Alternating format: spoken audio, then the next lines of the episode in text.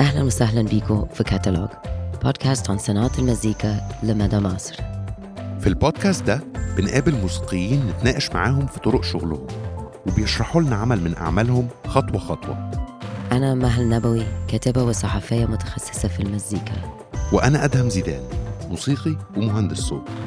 في الحلقة دي من كاتالوج هنقعد مع ندى الشاذلي ونتكلم عن أهوار أول ألبوم ليها. أهوار نزل على تسجيلات نوا في 2017 بس ندى ابتدت تكتبه وتلعبه في 2013 وفضلت تطور فيه وتلعبه بطرق مختلفة في أوروبا وأمريكا وبلاد تانية زي إندونيسيا لحد 2020 هنتكلم عن مصادر إلهامها عن تسجيل الألبوم مع أكتر من 20 موسيقي في كندا عن إصرارها لتأسيس فرقة مع شريف المصري وكونراد وموريتس أجنس عشان تعيد اكتشاف الشغل لايف وعن اضطرارها إنها تلاقي موسيقيين تانيين تلعب معاهم في جولة في أمريكا. وهنسمع مع بعض نسخ مختلفة من أنا عشقت أغنية سيد درويش اللي عادوا توزيعها ندى وسام شلبي. وبرزخ أغنية من تأليف ندى كتبتها علي أيمن ووزعوها ندى وسام وموريس لوقا. بس في الأول ندى هتشرح لنا إزاي ابتدت رحلة الألبوم. عن أول عروض سولو وعن الشغل مع موريس وسام وفرقته Land of Kush أنا ندى الشاذلي بعمل مزيكا. طيب أهوار بدأ. ما كانش أهوار وما كانش الأغاني دي نفسها بس بدأ بإنه أنا قاعدة على Ableton و بكتب أغاني بدور بسجل نفسي وبغير ال frequency كده لغاية لما بدأ يبقى فيه structure بقى واضح. ساعتها أنا قررت إنه عايزة ألعب حفلة. فلعبت كانت أول حفلة في 100 Copies ووجود الحفلة وكمعاد زقني إن أنا أشتغل أكتر وزقني إن أنا أخلص ال tracks دي. بعد كده الموضوع بدأ يبقى فيه طموح إن أنا ألعب تاني وبدأت أستخدم الحفلة إن أنا أشتغل أكتر وأجرب حاجات تانية. فبدأت الأغاني دي تتكون.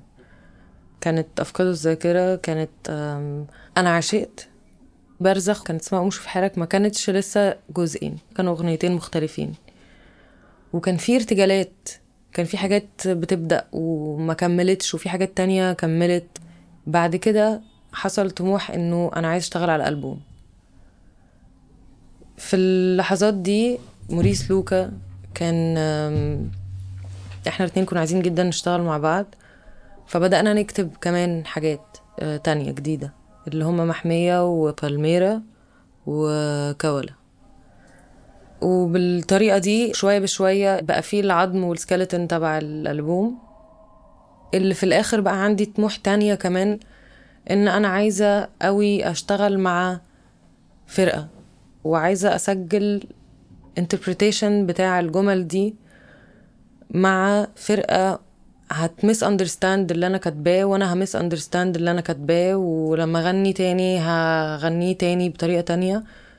باللي أنا كنت بقى ساعتها مهتمة بيه وهو فكرة الارتجال. ومن هنا بدأت أتكلم مع سام شلبي واشتغلت معاه على التوزيع بتاع الألبوم. وكتبنا مع بعض أفكار كتيرة وكتبنا كمان مع بعض الأغنية بتاعت كولا. فهي فضلت تتبني خطوة خطوة الموضوع خد وقت طويل. في حاجات كنت عملتها زمان وكانت زي أفكار نوتس أو كده اتخذت. فهو الموضوع من أزمان مختلفة.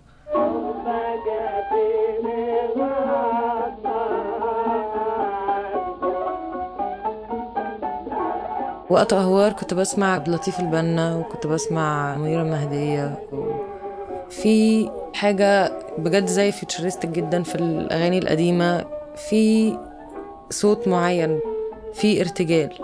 واضح إن هما بيتصرفوا بحرية بالرغم من إن هما بيلعبوا مع بعض. فهم عندهم قيود إن هما بيلعبوا مع بعض ولكن هما بيتصرفوا بحرية كبيرة قوي في اللعب. ففي dynamic رهيب في ال textures اللي بتتخلق.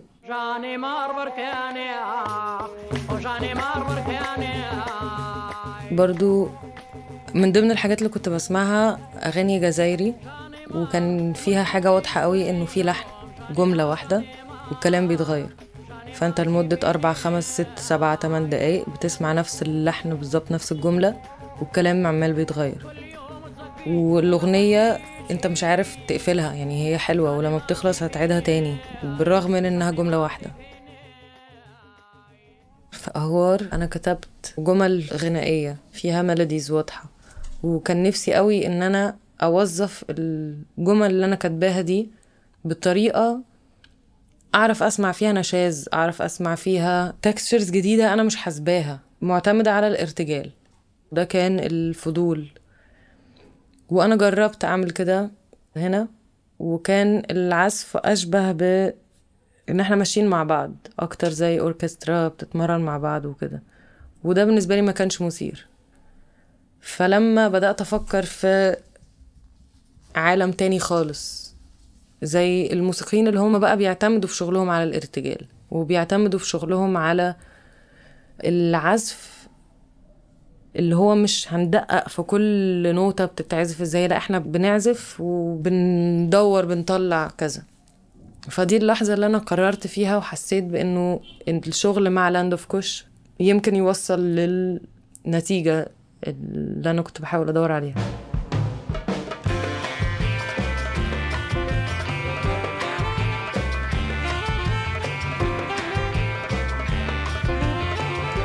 علشان already ال Land of Kush كانوا بيعملوه أنا كنت عارفة قوي أتواصل معاه. فأنا كنت عايزة أشتغل معاهم هم ال interpretation للشغل ده.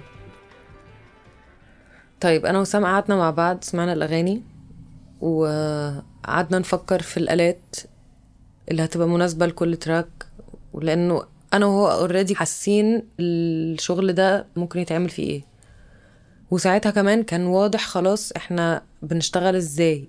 فكانت الاقتراحات بتروح بقى يعني back and forth إحنا ما عملناش تقريبا أي rehearsals إحنا عملنا rehearsal واحدة قبل ما نسجل. يعني أنا وصلت كندا قعدت مع سام بعتنا emails للموسيقيين. مثلا track ده فيه الموسيقيين دول فبعت email بال demo و notation على قد ما يعني كان ممكن يكون في notation وبس. الألبوم اتسجل في أربع أيام. كنا بنسجل كلنا مع بعض. والشغل كله حقيقي كان في الاستوديو. لأنه تاني الشغل كان معتمد جدا على ال interpretation والأفكار بقى. يعني مثلا في اتنين takes من كل حاجة. في take ال drums بتلعب مع ال beat وفي take تاني الدرامز حرة جدا.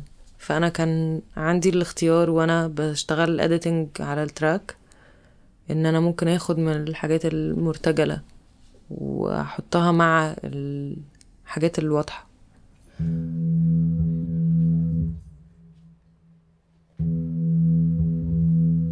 في ناس زعلت لما الألبوم مثلا بقى فيه أصوات تانية كتير. حسوا إنه ال core بتاع الحاجات اللي هم كانوا بيسمعوها مثلا في Cairo Jazz Club أو ان كان في 100 live أو كده ما بقاش موجود. هم كانوا حاسين إن الأغنية مرتبطة جدا بإزاي أنا بلعبها ال beats ال electronic أو ايا كان أو التوزيع اللي أنا كنت عاملاه اللي هو كان basic بس هو كان حاسين فيه شخصية معينة. فأنا متفهمة ده بس في نفس الوقت أنا كنت بدور على حاجة تانية.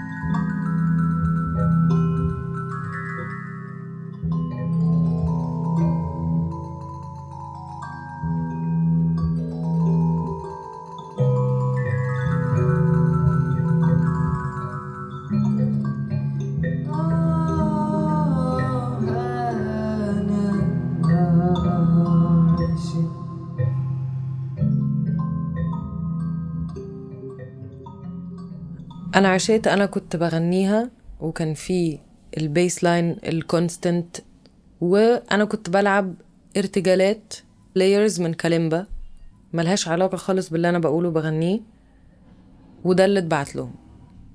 أنا بعت لهم ال tracks زي ما أنا كنت بعزفها في الحفلات. بال notes بتاعة التخيل بتاع إحنا ممكن نشتغلها إزاي؟ لو إحنا بال instrumentation ده. فأنا كنت عارفة كويس إن أنا عايزة أشتغل مع هارب عشان كانت أشبه لل staccato بتاع الكاليمبا ومع upright bass وإن إحنا هنكون ال core بتاع ال track ده.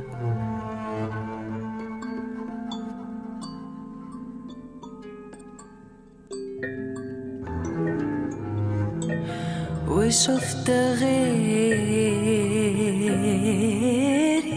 كتير.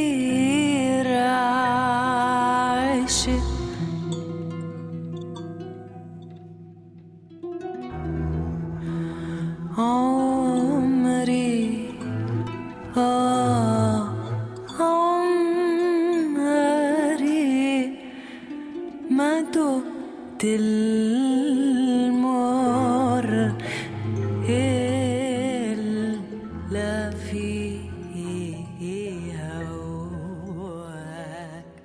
الأغنية دي أوكي.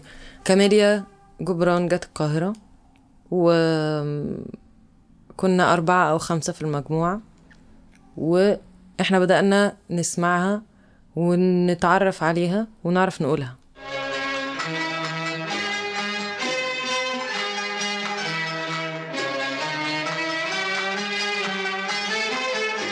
وأنا الأغنية دي لزقت بقى معايا. كله من إنه إزاي بيتحرك كده وهما إزاي الفرقة بتتحرك معاه كده. هما بيعدوا إيه؟ أنا مش فاهمة. هما أكيد كل واحد فيهم كان في أوضة وهما بيعدوا. لا أكيد مش عادين الموضوع ده وهم قاعدين مع بعض. وبعدين برضو كان في بقى غير اللير بتاعت المزيكا في اللير بتاعت الكلام نفسه اللي هو عامي قوي. يعني هو إحساس عام إنه حد حب حد وباظ. يعني هي أغنية من تقريبا 1900 وحاجة وعشرين بس هو الكلام ممكن يكون اتكتب النهاردة. وكان في بقى مفاجآت بالنسبة لي من حاجات كتير أنا مش فاهماها و... وأنا عنيدة ففي إنه طب أنا عايزة أفهمها. فأنا فهمتها إزاي؟ هو في الانتربريتيشن بقى اللي أنا في الآخر عملته.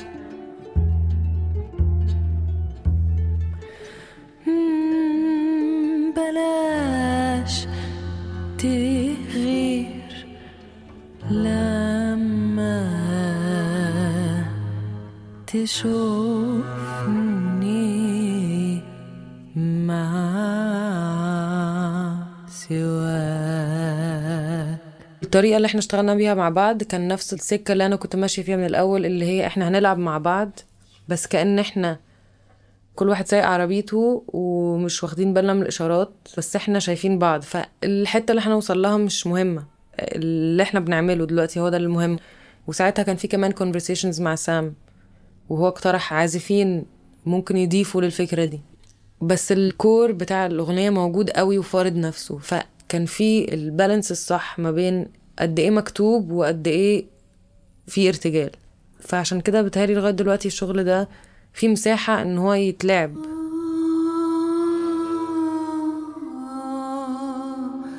الأغنية دي كانت من أكتر الأغاني الممتعة إنه أنا أفضل ألعبها لايف علشان في حرية كبيرة قوي في إزاي هما كانوا زمان بيكتبوا أغاني. إنه الجمل بتتقال وبتتعاد وبتتمط وبتروح وبتيجي وبتعيدها تاني وبتطولها وتأثرها. في حرية كبيرة في اللايف.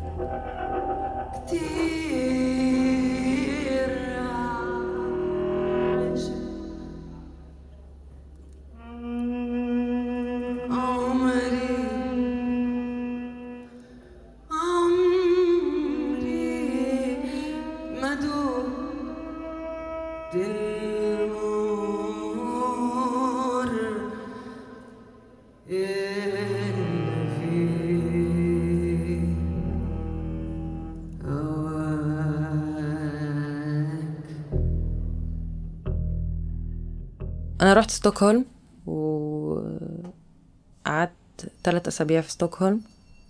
الألبوم اتقفل هناك. وهناك تعرفت على كونراد اللي هو بقى جزء أساسي من الفرقة بعد كده.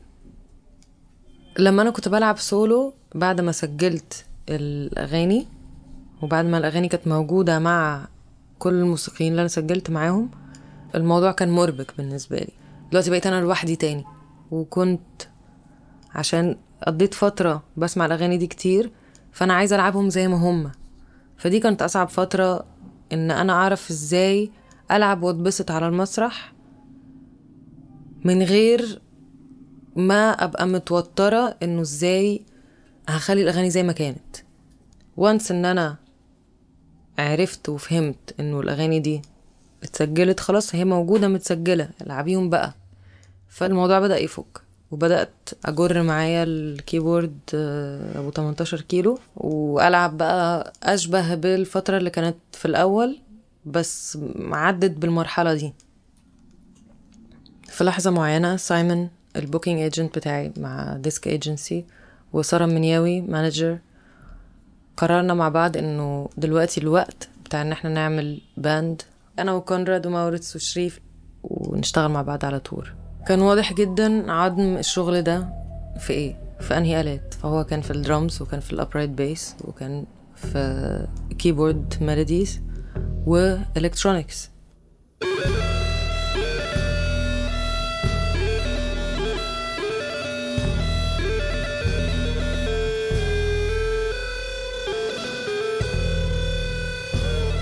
إحنا بقى كمجموعة بنلعب مع بعض خلاص عرفنا بقى البيس بتاعنا. فهنتحرك براحتنا.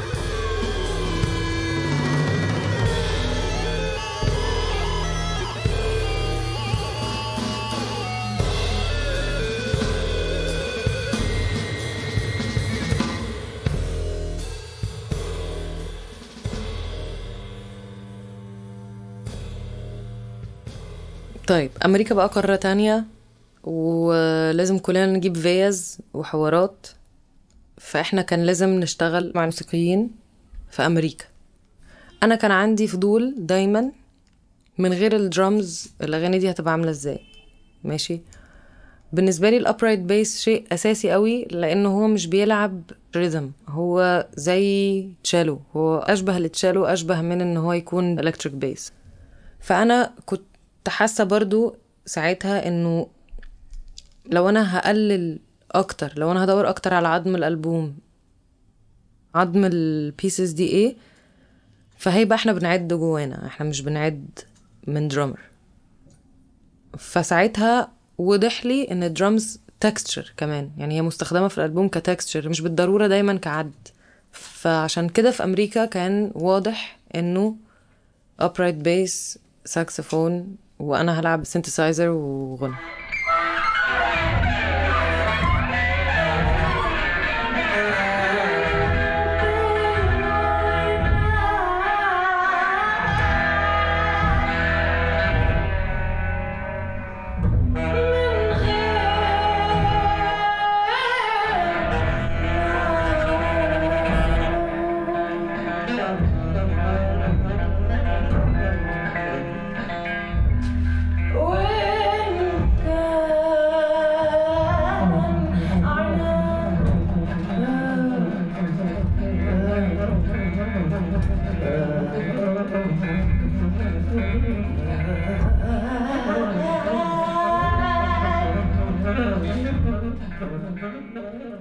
أكتر مرة لعبت فيها حفلات ورا بعض كانت في ال tour بتاع أمريكا كانوا 18 حفلة في 18 يوم. تمام؟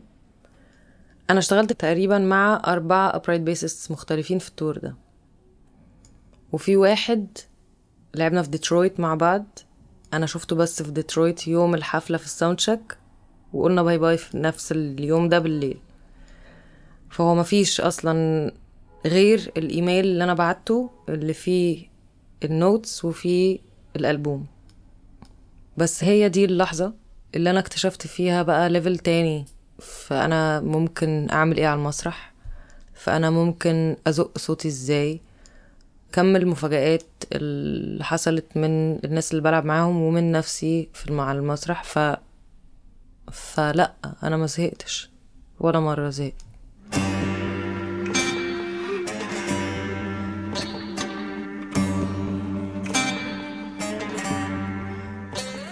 برزخ هما كانوا اتنين tracks وهما بقوا track واحد. وكان في جزء في ال track ده أنا مش عارفة هو إزاي ممكن يكون جزء من ال track الأولاني بس هو جزء من ال track الأولاني. فحصل التشبيه ما بين إنه يمكن في اتنين عالم مختلف وفي برزخ فهي جت من هنا.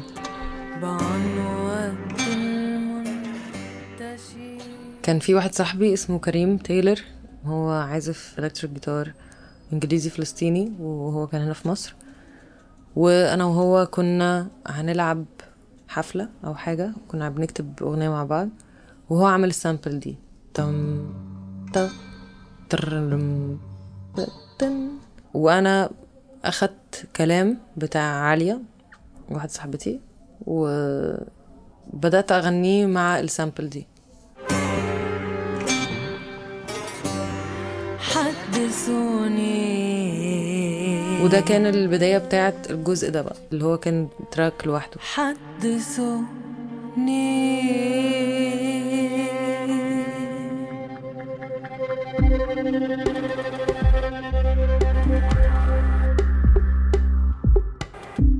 قوم شوف حالك. دي كانت جملة بقى من زمان من زمان إنه مثلا 2008 مثلا. وأنا كنت بلعب bass line على الجيتار. وبغني الأغنية دي.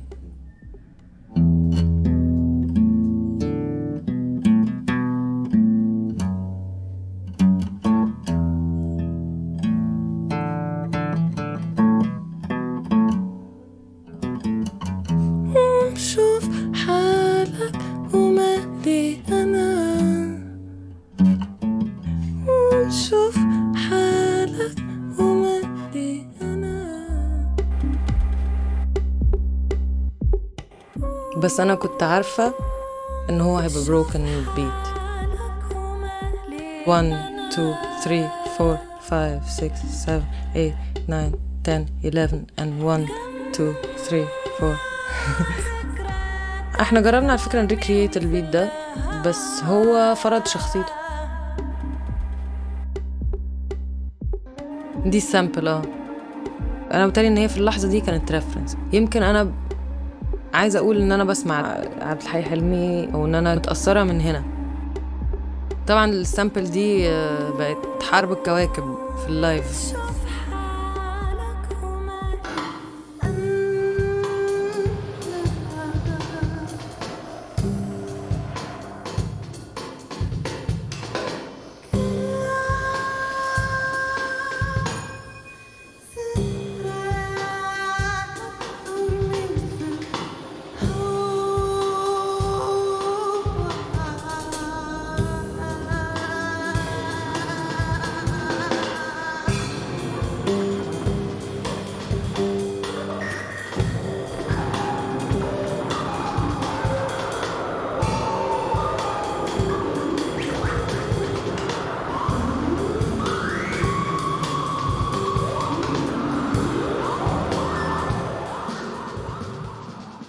ال narrative اللي في الألبوم حصلت يمكن كانت واضحة أكتر حاجة بعد ما كانت كل ال tracks already خلصانة. ال narrative اتكونت ساعتها. فأنا ما كنتش بكتب علشان track يبقى ماشي مع track أنا حقيقي كنت شغالة يعني كل ما بعرف أشتغل بشتغل. لأنه أنا كمان ساعتها أنا ما كنتش أصلا بعمل مزيكا full time أنا كنت بدرس آه، علم نفس ومسرح وما كنتش أصلا عارفة دايما أشتغل مزيكا. أنا كان خوفي إن ما يكونش في coherence ما بين الحاجات. بالنسبة لي علشان أنا عارفة هما جم إزاي وعارفة إن في حاجات كتبت من زمان قوي في حاجات كتبت دلوقتي وفي حاجات أنا influenced منها من ده وحاجات أنا influenced منها من ده فكان خوفي إن ما كانش في coherence بس سلمت إنه أنا عملت الحاجات دي فهو أكيد في coherence عشان أنا cohe يعني أنا شخص. اسم اهوار جاء بعد ما كل الحاجات التانية خلصت وبقى فيه الكوهيرنس وعرفت أفهم أنا كنت بحاول أعمل إيه. فهو مستنقع في العراق.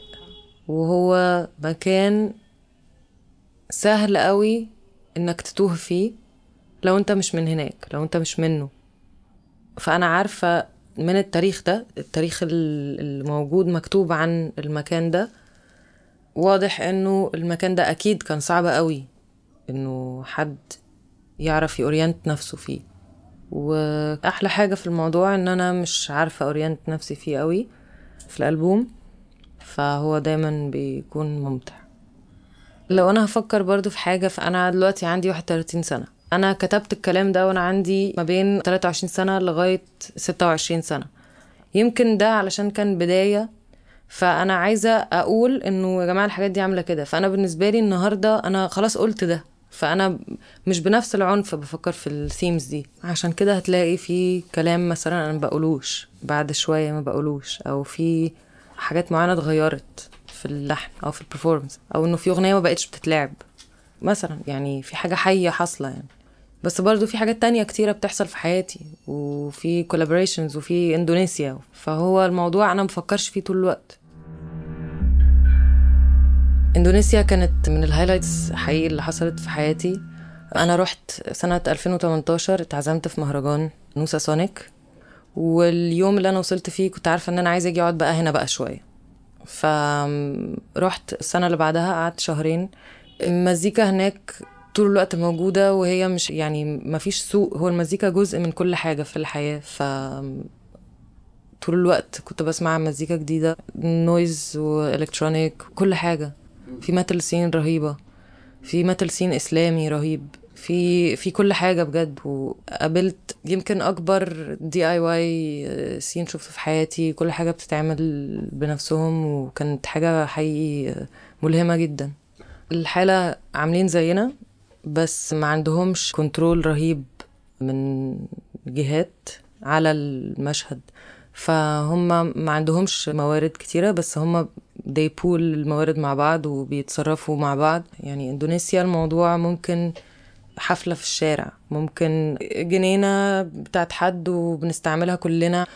وعلشان ما فيش control جامد ففي فرص كتيرة إن حاجات تتخلق.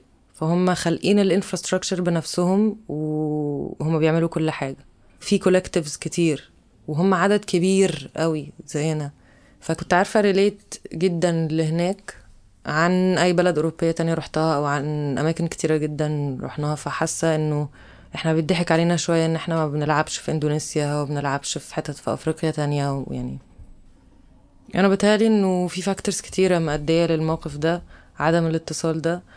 أكيد جزء كبير جدا منها الجزء الاقتصادي إنه المؤسسات ما عندهاش فلوس إنها تعزم آه، أو تعمل مهرجانات بالطريقة اللي أوروبا مثلا بتعمل بيها مهرجانات. بس كمان أعتقد إنه في ساعات مش عارفة ساعات بحس إن إحنا اللي ما عندناش برضو يعني مش عايزة أخبط في حاجة بس في نفس الوقت بحس إن إحنا بنبص لأوروبا أكتر من ما بنبص للحتة التانية وبحس إن ده بس مس أندرستاندينج يعني. وفي كمان بلاد كتيرة مش محطوطة على الخريطة بتاعت المزيكا بالشكل التجاري أو كده فبتقع من الحسبان يعني بتبقى مش واخد بالك. مع إنه حقيقي كم الحاجات اللي أنا كنت عارفة أفهمها بسرعة. يعني في حاجات كتير إحنا مش محتاجين نشرحها لبعض. إحنا الاتنين عارفين يعني إيه تبقى عايش في بلد زحمة جدا فيها تكدس سكاني رهيب. فمش لازم نقعد نشرحها ولازم نقعد نفسرها وأسبابها. فأوريدي بتتعامل من حتة أعلى وأعمق يعني.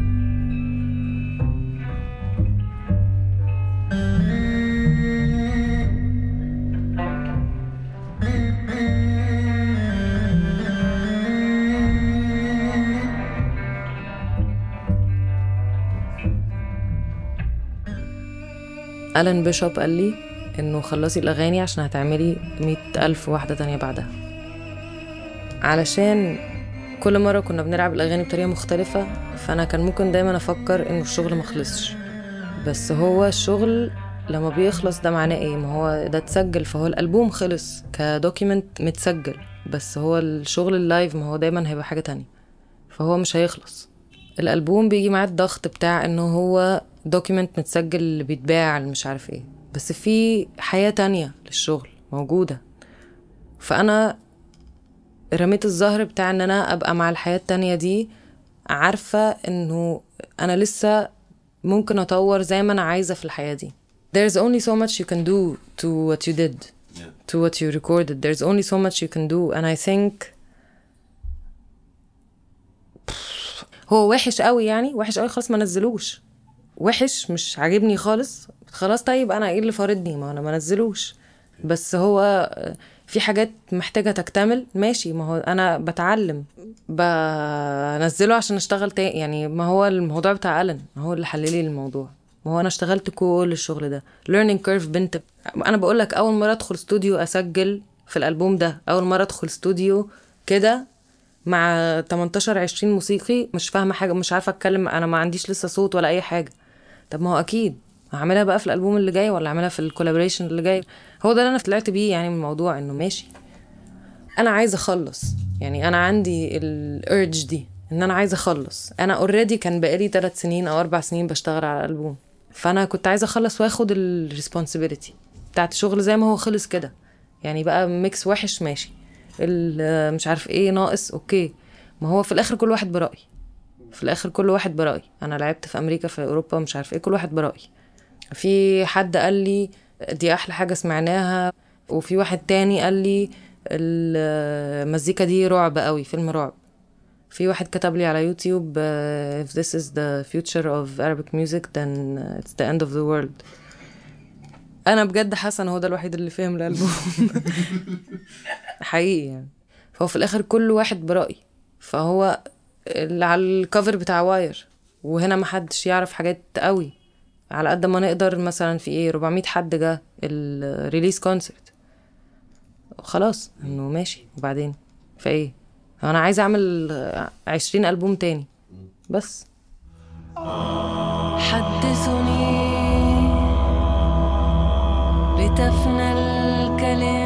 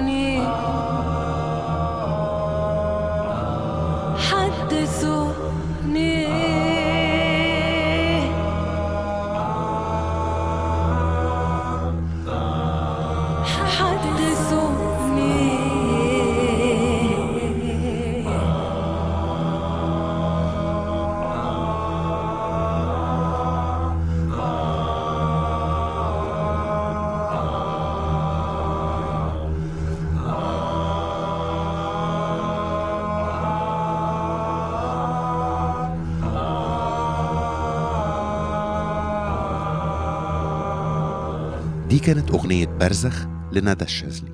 وده كان كاتالوج